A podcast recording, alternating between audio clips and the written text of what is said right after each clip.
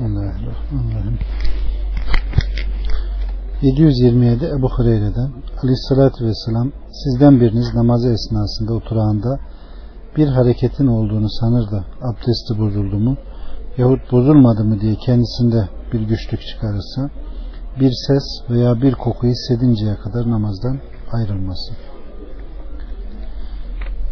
728 Ebu Sufyan'dan Aleyhisselatü Vesselam ancak gözler dübürün oturağın bağıdır. Binaenaleyh göz uyuyunca bağ çözülür. 729 Sehil'den ben meziden dolayı güçlük çekiyor ve onun yüzünden çok guslediyordum. Sonra Aleyhisselatü Vesselam'a anlattım ve ona onun hükmünü sordum. Bundan dolayı abdest alman sana kafi gelir.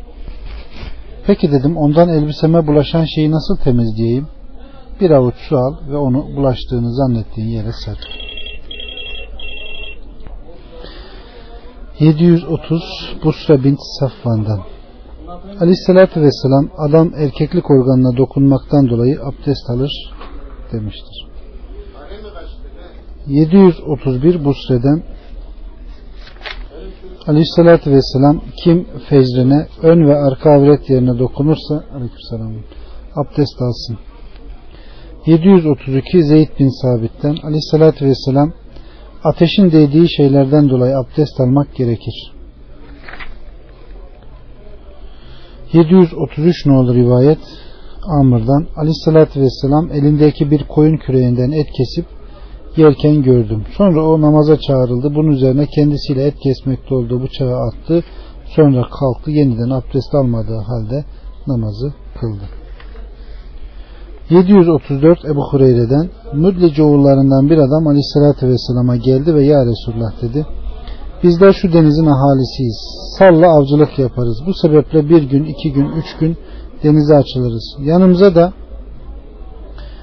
içmek için tatlı su alırız. İşte bu tatlı su ile abdest alsak canlarımız tehlikeye düşer diye korkuyoruz. Şayet canlarımızı tercih eder ve deniz suyundan abdest alırsak bundan dolayı gönüllerimizde de hoşnutsuzluk hissediyoruz. Bunun üzerine aleyhissalatü vesselam ondan abdest alın. Çünkü denizin suyu temiz, öleni helaldir.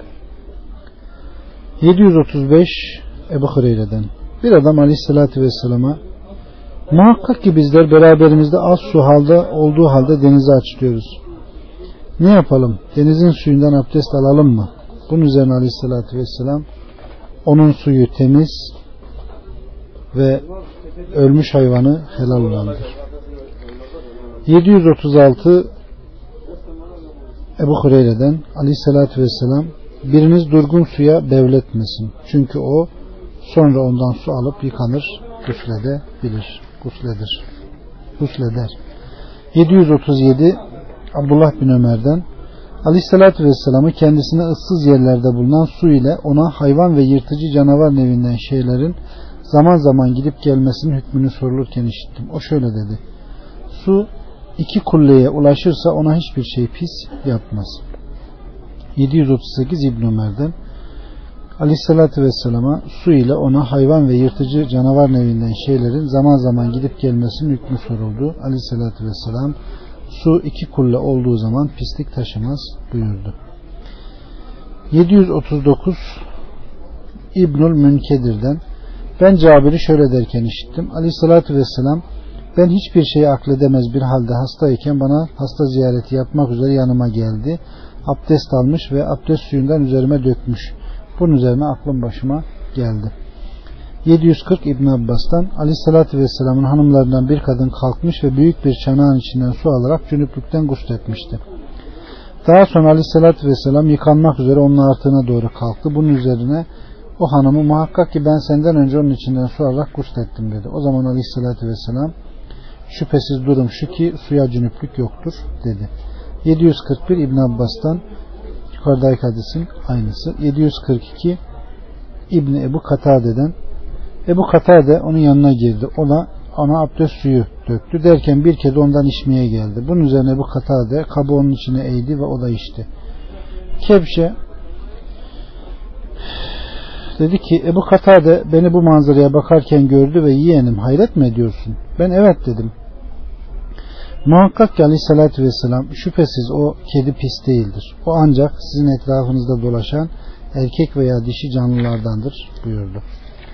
743 Abdullah bin Mugaffel'den aleyhissalatü vesselam köpek kabın içinde bir şey yiyip içtiği